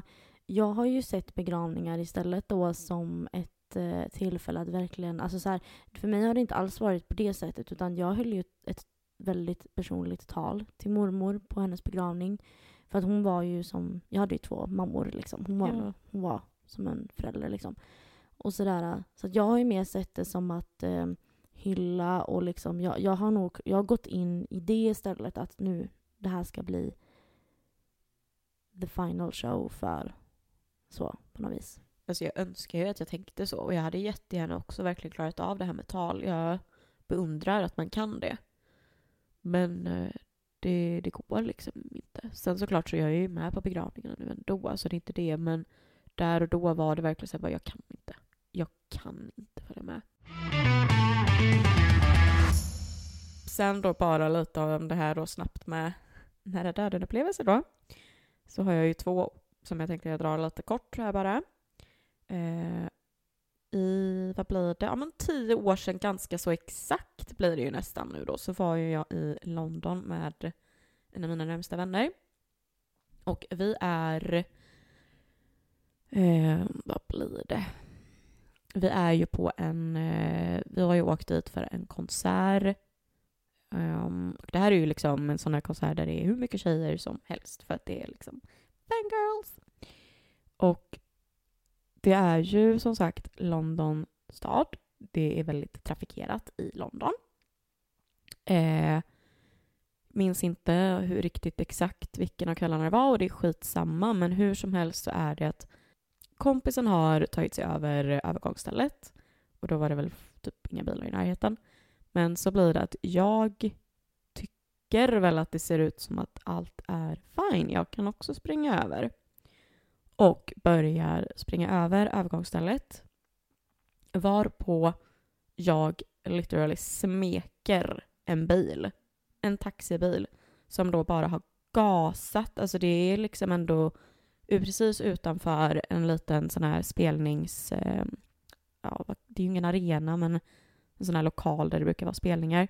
Så det är mycket folk och jag tänker ju automatiskt att det är klart så fan man stannar eller saktar in om det är folk. Nej då, han gasar som bara den. Och det blir liksom som att jag nästan alltså, slidar vid huven typ. Åh jävlar. Precis så att jag klarar mig. Och det är ju inte det att han kör sakta. Utan han gasar som fan, tutar och hytter med näven. Jag vet att det här är självförvållat, men alltså i mitt hjärta efter det här rusar och folk runt omkring har ju stannat upp och liksom är helt så här Oh shit. Ja, liksom. liksom nu, nu händer någonting liksom. Och det som är så sjukt när man tänker på det, för att jag har ju märkt efter det här att jag har ju fått någon typ av PTSD. För att jag har väldigt, väldigt, väldigt svårt för att gå när det är röd gubbe. Jag liksom, eh, alltså fastän det är typ helt tomt så väntar jag helst tills det, det är grön gubbe. Just för att det, är, det var så jävla obehagligt för att den här bilen dök upp från ingenstans. Mm. Så det har bara satt sig i, alltså, i dig liksom. Det är inte Ja. konstigt. Nej, det är ju Alltså- inte det. Och sen då så, ja men då näst, eller förra året då så var det ju också då inkluderat en bil i det hela. Och det här är ju, alltså det här skojade vi om i podden bara någon dag innan typ också, eller om det var, Nej, det var inte i podden. Jag, du skulle följa med mig ut för jag skulle åka hem ifrån dig. Ja, och så gick vi förbi din bil och eh, pratade om någonting. Du hade någon sån här ful, vad heter det, frysskydd i rutan som såg Ja. ut som Bahamas eller någonting. Och då vet jag att jag sa att det var fult eller någonting och då skämtade du om någonting och sa ah, bilen är självmordsbenägen, ha ha ha, eller någonting. ja jag vet inte exakt Ja men det var något sånt. Men vi skojar om någonting i alla fall med bilen och ja. Så att då är det morgon. En, eh, jag tror att det kan ha varit en måndag morgon kanske. Början av december. Och det är blixthalka i eh, typ hela Västsverige. Eh, det är liksom, eh, satte du din fot på gatan så drattade du på röven direkt liksom. Det, det var typ hur mycket olyckor som helst den här dagen. Um, jag eh, sätter mig i min bil och ska rulla ner till Göteborg för att jag har föreläsningar och behöver vara på plats. Um, går ut i bilen, känner liksom att men det är lite halt men det är ingen fara, jag, jag klarar det här. Liksom. För att jag är ganska säker, eller rättare sagt jag var ganska säker i mitt bilkörande. Um, rullar ut från min gata in mot centrum. Och liksom känner lite så här att ja, jo men det är väldigt halt. Det är nog jävligt bra att köra sakta.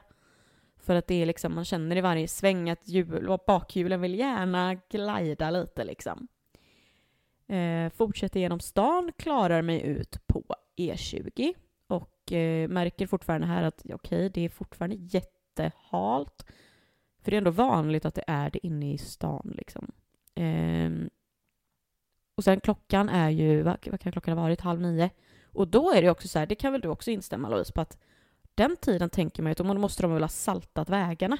Ja, och att det kanske inte är så mycket trafik och då har de tid att pyssla. Så då är rusningstrafiken oftast över liksom. Exakt. Och sen då så börjar jag ju gasa, åker ner mot Göteborg från Alingsås och vid höjd med Vadsjön, alltså då lite utanför Alingsås, så känner jag i svängarna att eh, ja, det är kört. Min bil börjar köra, ja, tänker ett eh, sånt där, vad heter det, pingpongbord? Nej men vad är det, sån här flipperspel heter Du det. åker karusell på vägen. Ja men typ, alltså min bil är som flipperspelsbollen i ett, liksom, jag studsar fram och tillbaks mellan räckena. Och alltså jag tycker ju ändå redan här att jag hade dessutom knappt gasat någonting. Och det Alltså jag känner i min kropp att det, alltså jag, jag bara åh gud, jag känner att jag får eh, Du stress här. Alltså du vet, det här är min värsta mardröm. Jo tack, det förstår jag. Eh, och det är ju som, alltså som tur var så är ju bilarna bakom mig inte jättenära och bil, det är nästan inga bilar framför mig så att jag liksom vet ju då att okej men bra, jag kommer förmodligen inte skada någon annan utan det är bara mig själv. Jag kommer inte liksom förorsaka en prick i registret liksom. Eh, men det tänker jag ju inte på då utan det enda jag gör när det här händer det är att jag sitter på fullast allvar och skriker rakt ut. Det är det enda som jag gör. Jag kan inte sluta för att jag är livrädd. Och jag har ju hört det här med att man ska, när bilen kör åt ett håll så ska man ju ratta åt andra eller vad det är för att liksom Och absolut inte bromsa va? Nej, precis. Och det, jag försöker ju mig på det här. Men jag upptäcker ju också att det gör ingen nytta. Så jag, jag gör ju det dumma valet där på grund av att jag är så jävla rädd att jag bara släpper allting. Jag bara känner, jag bara okej, dör jag nu så dör jag. Det är liksom, it is what it is. Men det, alltså det var så fruktansvärt för att jag bara kände, jag bara, alltså, någonting kommer ju hända. Det kommer ju behöva ta stopp. Ja, Och hur...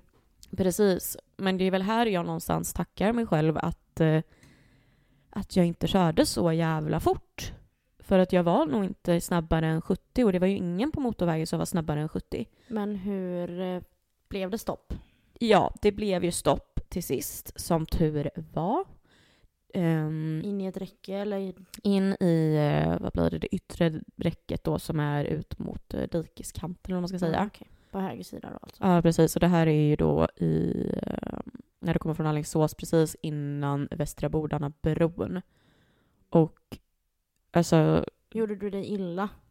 nej, alltså och det jag tyckte var så sjukt var att min airbag blåstes inte ut. Vilket jag tycker För det är... var, blev ju en smäll. det blev ganska många smällar med tanke på att jag åkte fram och tillbaka, fram och tillbaka, fram och tillbaka tills det tog stopp. Och bilen var ju ganska rejält mosad på liksom eh, fronten. Och bilarna bakom, som tur var, hjälpte ju liksom till med att ringa och allt sånt där. Och jag ringde ju pappa. Och typ han kunde ju inte utgöra ifall jag skrattade eller grät för jag var helt hysterisk och det kom eh, det kom väl brandbil tror jag för att de kommer väl för att transportera bort jag vet inte exakt hur det var, jag kommer inte ihåg. Jag har för mig att du la ut det på om det var Instagram eller om det var Face. Eller vad säger Nej, jag? skickade Snapchat. bild till mina närmsta. Ja det var så. Ja, Ja. För jag vet att jag fick en bild Ja. på någon typ av social media. Ja, Och då ringde jag ju dig och pratade lite med dig då. ja. Vet jag att jag gjorde. ja, för jag skickade bild till, eh, på Snap till dem som liksom ändå var mina nära. För att jag var så här, ja, det här var kul. Och då hade jag ju precis typ samlat mig. Men det var sån jävla tur för det var en ambulans Mm. bakom Ja, det som skulle transporteras från eh, Skövde till Göteborg. Mhm. Så att hon eh, var faktiskt jättesnäll och hjälpte till och liksom försökte lugna ner mig och allt sånt där. Ehm, men jag minns också att jag tänkte, och jag tycker ju att det här är lite roligt, för att jag minns så väl hur jag kände där och då. Jag bara, för jag fick börja tänka, bara, ah, då kommer väl det kom- börja blandas in ambulanser, brandbilar, poliser och hela allt det här raddat. Och det enda jag tänkte var, jag hoppas att det är han jag kände från polisen. Bara för att jag Mhm. behövde någon som jag kände mig typ bekväm med. Ja. Liksom. Men tack För- gode gud då Linnea. Att det Ja. inte... Gud. För det kunde ju gått riktigt jävla illa alltså. Ja, Tänk om man legat bilar framför. Det Ja. kunde ju blivit värsta cirkusen alltså. Ja, oh ja. Det var ju liksom så här, jag hade lite muskelvärk liksom från att man Mm. spänner sig i några dagar och sen var det ju... Och så fick du något blå... För jag vet att vissa, de, när det blir en sån här smäll, att de kan få blåmärken och sånt i bältet. Nej men jag fick till. faktiskt inte det. Nej. Jag klarade mig mycket, mycket, mycket, mycket bra men jag trodde ju där och då att jag kommer dö. Det var liksom verkligen så här, nu är det kört. Och det är så...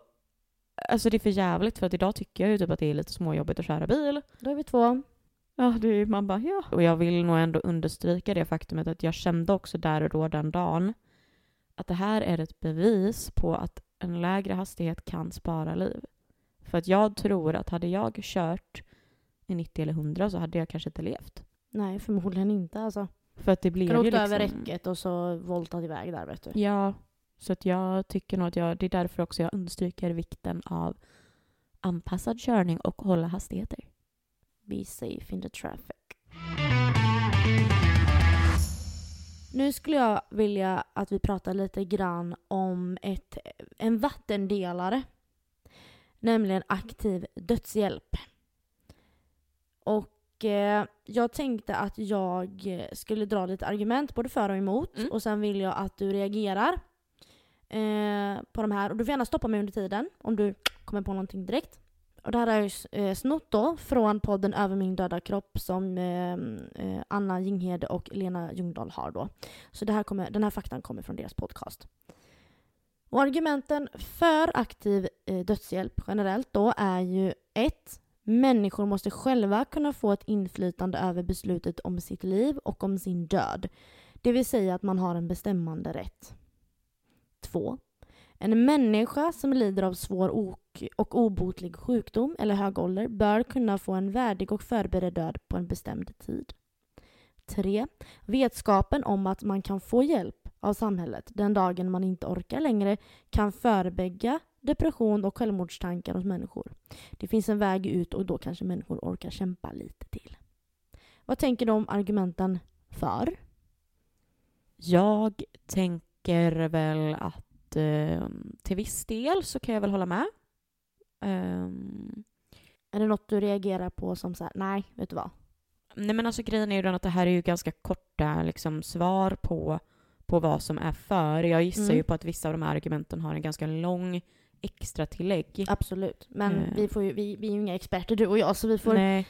prata lite Nej, för jag tänker ju generellt att det behöver ju behöver ju finnas lagar fortfarande från eh, gällande. För jag, jag kan ju säga det direkt att jag är ju typ för. Mm. Men då, då vill jag fortsätta med argumenten här emot Okej, okay, okay, så får jag berätta sen då? Mm, jag mm. tänker vi kör så. Mm. Argument emot aktiv dödshjälp då. 1. Skulle man göra det lagligt med aktiv dödshjälp så finns det risk att frågan om vilka som är värda att leva eller inte skulle ta plats. Till exempel personer med funktionsnedsättningar och andra variationer. Eller psykiska åkommor. 2. Sjukvården ska lindra och, in- och bota oss, inte döda oss. Dödshjälp strider mot Sveriges nollvision för suicid. 3. Patientens beslutsförmåga kan vara svår att fastställa. Man kan vara i ett skick där man inte ska ta några beslut alls för att det är baserade på känslor här och nu. Till exempel när man är i en dålig situation i livet. 4. En felbedömning av sjukvården som man vilar sitt beslut emot. 5. Man kan ångra sig. 6. Man tar beslutet på grund av att man tycker att man är en stor belastning och börda för sin omgivning. 7. Någon ska utföra dödshjälpen och detta kan ge men för livet för den individen. Så, nu tänkte jag att vi skulle diskutera det här då.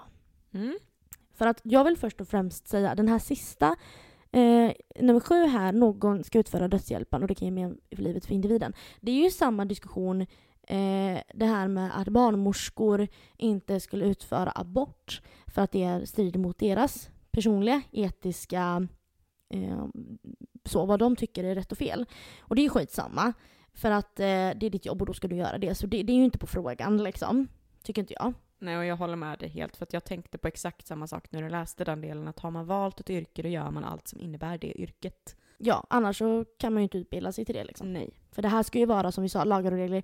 Det här ska ju vara personer som är utbildade i detta. Och det ska ju mm. vara såklart lagar och regler, självklart liksom. Ja. Uh, men om man säger så här då. Om du skulle vara jättesjuk i en sjukdom. Skulle du då önska att det fanns aktiv dödshjälp? Att det var lagligt i Sverige? Jag har ju pratat precis, eh, precis om det här med min mor och min far för cirka en vecka sedan faktiskt. Um, och jag sa då faktiskt lite i stil med det här att hade jag varit riktigt, riktigt sjuk och man vet att det liksom med största sannolikhet kommer inte bli bra. Det kommer inte bli bättre. Jag kommer ligga där i sjuksängen med smärtor. Det kommer liksom bara vara jag kommer bara vara där. Jag kommer inte komma därifrån. Jag kommer ligga där tills jag dör. Då, så, för då, då sa jag det då och jag säger det även nu att då hade jag önskat att det hade funnits en väg ut som innebär att jag inte behöver gå igenom de smärtorna längre. Hur tänker du kring eh, det här argumentet emot att det skulle bli en fråga om eh, vilken människas liv som är värt att leva? Till exempel, det finns ju faktiskt de som säger att eh, barn som föds med utvecklingsstörning eh, eller ja, vad det nu kan vara för diagnoser där, de inte, där man säger att Åh, den här personen kommer inte få ett värdigt liv. Hur tänker du kring eh, det där då? Att om det är en person som har en funktionsvariation eh, där andra människor då kan anse att det här inte är ett liv för att man kanske inte kan äta själv, man kanske inte kan, man kan inte göra någonting själv utan det enda personen kan göra är mer eller mindre att andas. Eh, hur, hur tänker du kring det? Tycker du att det är ett eh, rimligt argument? Att eh, det då inte skulle finnas aktiv dödshjälp av anledningen att då skulle det kunna användas fel, till exempel gentemot sådana personer? Alltså jag tycker att det är... Helt ärligt så tycker jag att har barnet fötts då, då ska du inte ta död på det. För att det tycker jag är... Alltså nej, nej jag tycker inte att det är okej. För att det har inte... Alltså jag kan tycka att man ska inte ens... Det ska inte ens vara någonting man pratar om i dödshjälpsfrågan.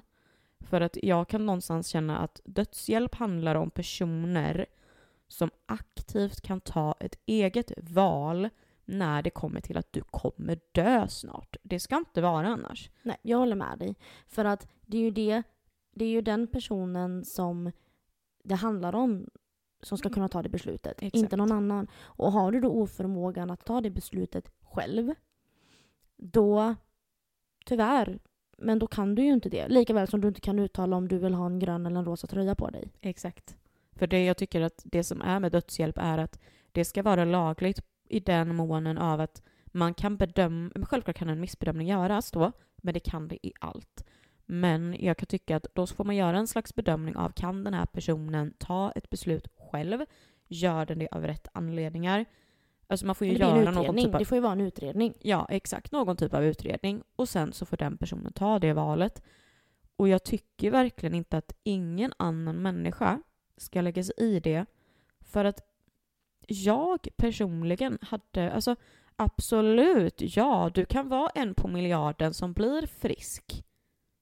Men det kan också vara så att du är en Men då är av det de där andra eget delen av Men då är det också ditt eget beslut. Är du jättesjuk i ALS eller MS, de här klassiska sjukdomarna där man blir väldigt dåligt förtvinar, plågsam död.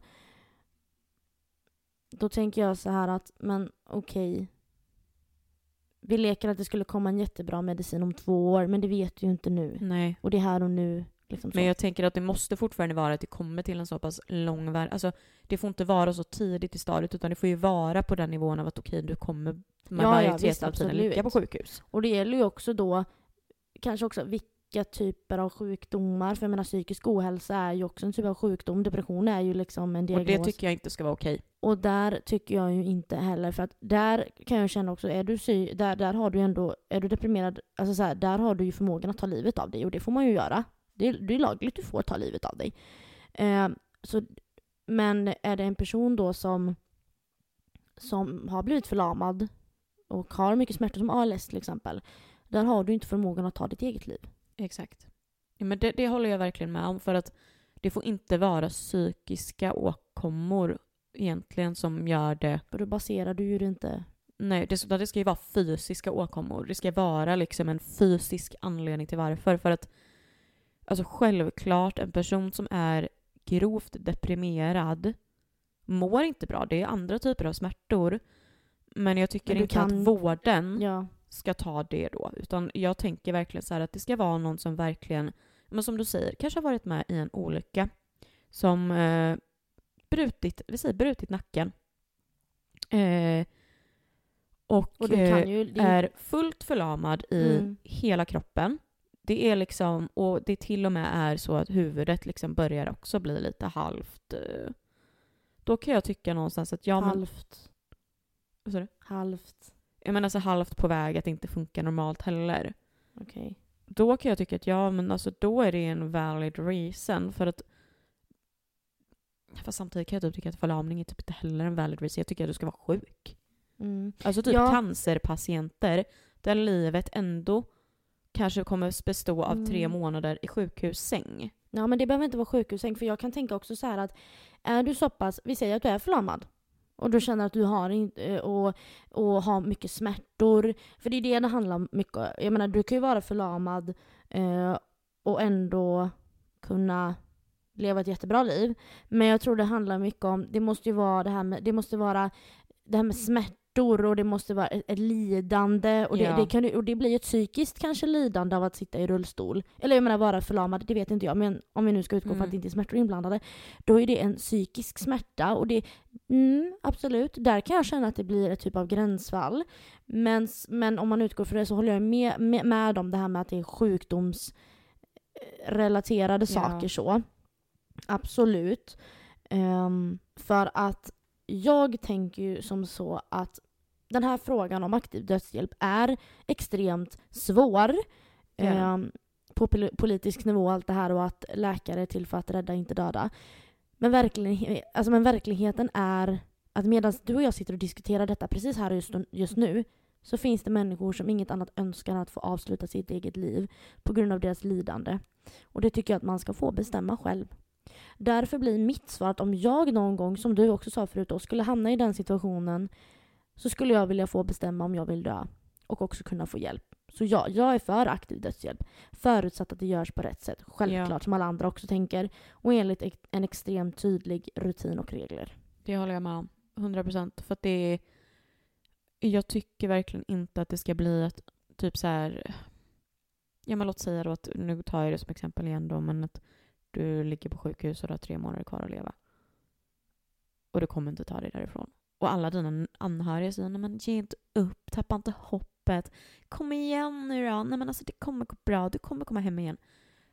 Alltså ta inte och påverka den här personen utan det ska vara den personens beslut. För att om den ändå är dödsdömd, för det blir man ju indirekt, Ja, då tycker jag att då ska man få ta det beslutet själv. Det ska inte någon annan stå i vägen för. Men det finns ju de som åker till andra länder och gör så bara för Ja, att precis. mamma nämnde någonting om, eh, jag vet inte om hon sa att det var någon serie eller dokumentär eller någonting, för att det hade varit två döttrar som hade varit med sin mamma i Schweiz. Ja, Schweiz är ju så. Ja. För jag vet att eh, jag hörde också, det var någon eh, intervju med anhöriga efter eh, att en person då hade åkt ner till Schweiz för att få aktiv dödshjälp.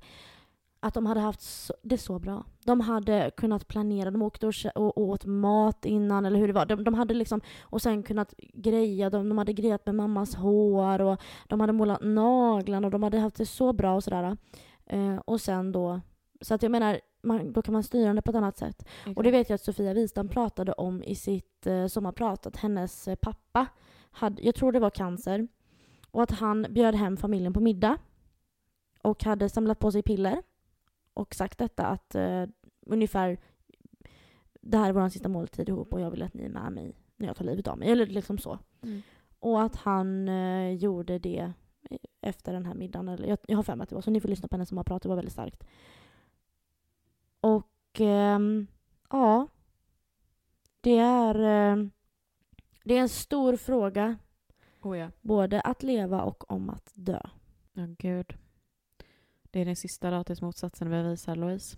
Ja, det är ju det. Men vi ska inte glömma bort att vi lever ju faktiskt idag. Och har vi tur lever vi imorgon också. Ja. Och vi ska fortsätta att leva varje dag. Det här var ett känslosamt avsnitt. Gud, ännu en gång. Dock, det är ju ganska uppenbart här nu då varför jag sa för ett år sedan jag vill inte prata om ångest och döden. Jag tycker inte att det har med våran podd att göra riktigt det ämnet. Jag tänker mer med reaktion på det jo, liksom. jo, men jag vet att du sa det också, så jag tycker inte det hör riktigt till vårt. Men jag tror att... ehm, jag tror, eller jag tycker det, det känns... Jag att jag tycker det känns bra. Mm. Jag tycker att eh, det är fint att du ändå kan visa dina känslor. Jag har inte, det har inte kommit en droppe jag är här från mig. chockad. Ha? Jag är chockad. Jag Mm. tänker ju så här. Men Alltså nu menar inte jag att du borde ha gråtit men jag är Nej. ändå chockad för jag trodde verkligen att du skulle gråta när du berättade om ditt ex och din mormor. Men så mycket, du vet, jag har gråtit så mycket. Ja. Och det är liksom, jag har ju processat det. Eh, och så nu är det mer att man eh, är glad när man ser tillbaka på minnen och sånt. Ja med mormor då, sådär att det, det har kommit till ett annat stadie nu, Ja. tror jag. Ja men det tror jag också. Sen, är det Sen ju kommer man ju alltid sagt. sakna och bli ledsen perioder såklart. Men eh, ja, och du, det kanske är att du du har ju liksom en sån rädsla, en sån frukt. På ett, det har jag med, men du verkar ju ha det på en annan nivå. Gud ja, men jag, jag är ju rädd för vad man missar. Gud, jag, ser du? Igen? Ja, Ögonen jag ser, jag ser. Ja, gud. Men Så det jag kanske tror... är bäst att vi avslutar för idag innan jag drunknar i en flod tårar här i ditt kök. Precis. Nej, alltså vad fan, jag... Jag eh, tappar vad jag skulle säga, helvete. jo, just det. Jag tror att det är lite som, jag tror att det var du som sa det, att när vi sätter på datorerna, mickarna och sätter, i, liksom, sätter på lurarna på Heve så är det precis som att man går in i en slags eh, roll Ja, det gör man. så då kanske det är lite därför också det inte riktigt kommer tårar på det sättet heller. För att du vet Mm. liksom att nu sätter jag mig på min plats på den här stolen. Micken är dragen till munnen och eh, nu ska vi prata om det här. No tears. Liksom typ så kanske. Ja, men alltså kanske. Ja, man har en, ja kanske, ja. Ja, Det är inte know. helt otroligt. Så som, ja, med andra ord sagt så blir det lite lättsammare förmodligen nästa vecka. Eh, Vad ska vi Som- prata om då? du? Vad ska vi prata om då som det ser ut nu? Eh, planen... Om vi lever då, det vill säga... Ja. Okej förlåt jag ska inte... Don't please. Ja, så sitter du och skrattar den lilla Ja, skitunge. det är jag som ska köra hem nu. När det är kolsvart. Klockan är kvart, tio i tio nu. Ja, På kvällen. Japp. Nej men om planen blir som tänkt, att allt går som det ska så att det inte är någon som är sjuk eller så. Whatever. Vad är det vi ska prata om i så fall? Så är det sex, sex och ännu mer sex. För att då har vi vårt första sexsnack med en gäst. Ja. Så nu håller vi tummarna att det blir så. Ja. Så har vi tur så hörs vi om en vecka. Ja, det gör vi. Det kommer vi göra. Ja. Don't Puss och kram.